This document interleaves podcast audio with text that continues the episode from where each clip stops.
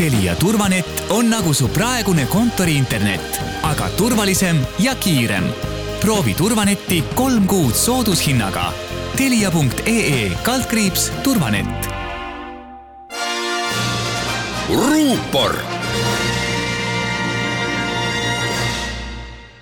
tere, mina olen ajakirjanik Ainar Ruussaar mul on hästi mällu sööbinud tuhande üheksasaja seitsmekümne üheksanda aasta esimene jõulupüha. Olin siis kolmeteistkümneaastane ja veetsime perega talvepuhkust Otepääl. isal oli harjumus õhtuti läbi segamisragina kuulata tollases Nõukogude Liidus vaenulikuks raadiojaamaks tembeldatud Ameerika häält. tol talveõhtul saate ära kuulanud, pillas isa sünge näoga vaid ühe fraasi. venelased tungisid Afganistani mind ei kõigutanud see tookord mitte mingil moel, aga isa ilmselt aimas, et Nõukogude Liit alustas sõda, mis võis kesta pikalt, kestiski. ja mida rohkem lähenes minu täisealiseks saamise ja Nõukogude armeesse sundaega teenimise minemise aeg, seda usinemalt ma ka ise Ameerika Hääle uudiseid kuulasin. miks ma täna Ameerika Häälest räägin? sellepärast, et täna möödub seitsekümmend aastat päevast, kui Ameerika Ühendriikide valitsuse rahastatud raadiojaam hakkas edastama eestikeelseid saateid. Eesti keeles edastas see jaam saateid kuni kahe tuhande neljanda aasta alguseni. Siis polnud enam mõtet. Eesti ajakirjandus oli vaba ja ka piisavalt küps, et ise maailma asju analüüsida. oli tuhande üheksasaja kaheksakümne teise aasta novembri hommik. olin kuueteistkümneaastane koolis oli autoõpetuse tundide päev. Nõukogude noormehi valmistati riiklikus korras juba keskkoolis ette sõjaväeteenistuseks. sealt sai tasuta veo- ja sõiduauto juhiload, üks väheseid Nõukogude aja eeliseid, mida meenutada.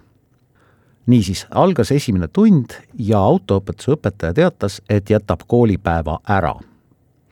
minge koju, Brežnev on surnud, ütles ta. keegi ei liigutanud Ameerika Hääl teatas, et Brežnev on surnud, kinnitas õpetaja ja marssis klassist välja. ükski Nõukogude meediakanal sellest tol hetkel veel ei rääkinud. Pealegi oli Leonid Brežnev olnud kommunistliku riigi juht kogu meie tollaseks elatud kuueteistaastase elu jooksul ja tundus surematuna.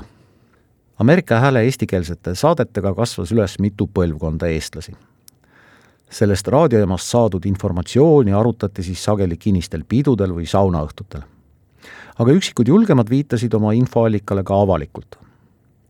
Ühel soojal suvepäeval, ei mäleta mis aastal, sulges Nõukogude piirivalve Võsu rannas Käsmu lahe ja keelas igasuguse vette mineku. rand oli paksult suvitajaid täis ja kõik olid sellise keelu üle hämmingus. piirivalvurid inimestele selgitusi ei jaganud. mäletan, kuidas üks mees hüüdis siis üle ranna. mingi venelaste allveelaev läks põhja, Ameerika hääl ütles muidugi tegi Nõukogude Liit meeleheitlikke pingutusi, et Ameerika Hääle saateid ja hilisemaid Raadio Vaba Euroopa saateid segada. Tallinna kesklinna püstitati selleks otstarbeks isegi hiiglaslikud raadiomastid, mida rahvasuu kutsus kolmeks õeks. mäletan perioodi, kui läbi segamisraginate Ameerika Hääle kaudu minuni jõudnud saated algasid eestikeelse diktori sõnadega. tere, head kuulajad Eestis! juba kaheksasaja kuuekümne viiendat päeva segab Nõukogude Liit meie saateid minu vanaisa oli Ameerika Hääle andunud fänn. tema leidis oma aianurgakeses koha, kuhu segaja lained jõudsid nõrgalt. see oli tema jaoks igaõhtune pühapaik, kus ta veetis pool tunni transistorraadioga, sõltumata ilmast ja aastaajast. kindlasti ei olnud riiklikult rahastatud Ameerika Hääl Eesti Hääl. ta oli Ameerika Hääl eesti keeles üksikud tsenseerimise katsed, mida USA välisministeerium raadiojaama sisus teha püüdis, jõudsid peaaegu alati Ameerika ajakirjandusse ja tekitasid erineva suurusega skandaale. mulle on aga alatiseks meelde jäänud Ameerika Hääles kõlanud lause. siin Ameerika Hääl. uudised võivad olla head või halvad, meie räägime teile tõtt. isegi kui see tõde ei olnud alati päris tõde täna, seitsekümmend aastat tagasi, jõudis eestlasteni esimest korda tere, head kuulajad Eestis. ruupor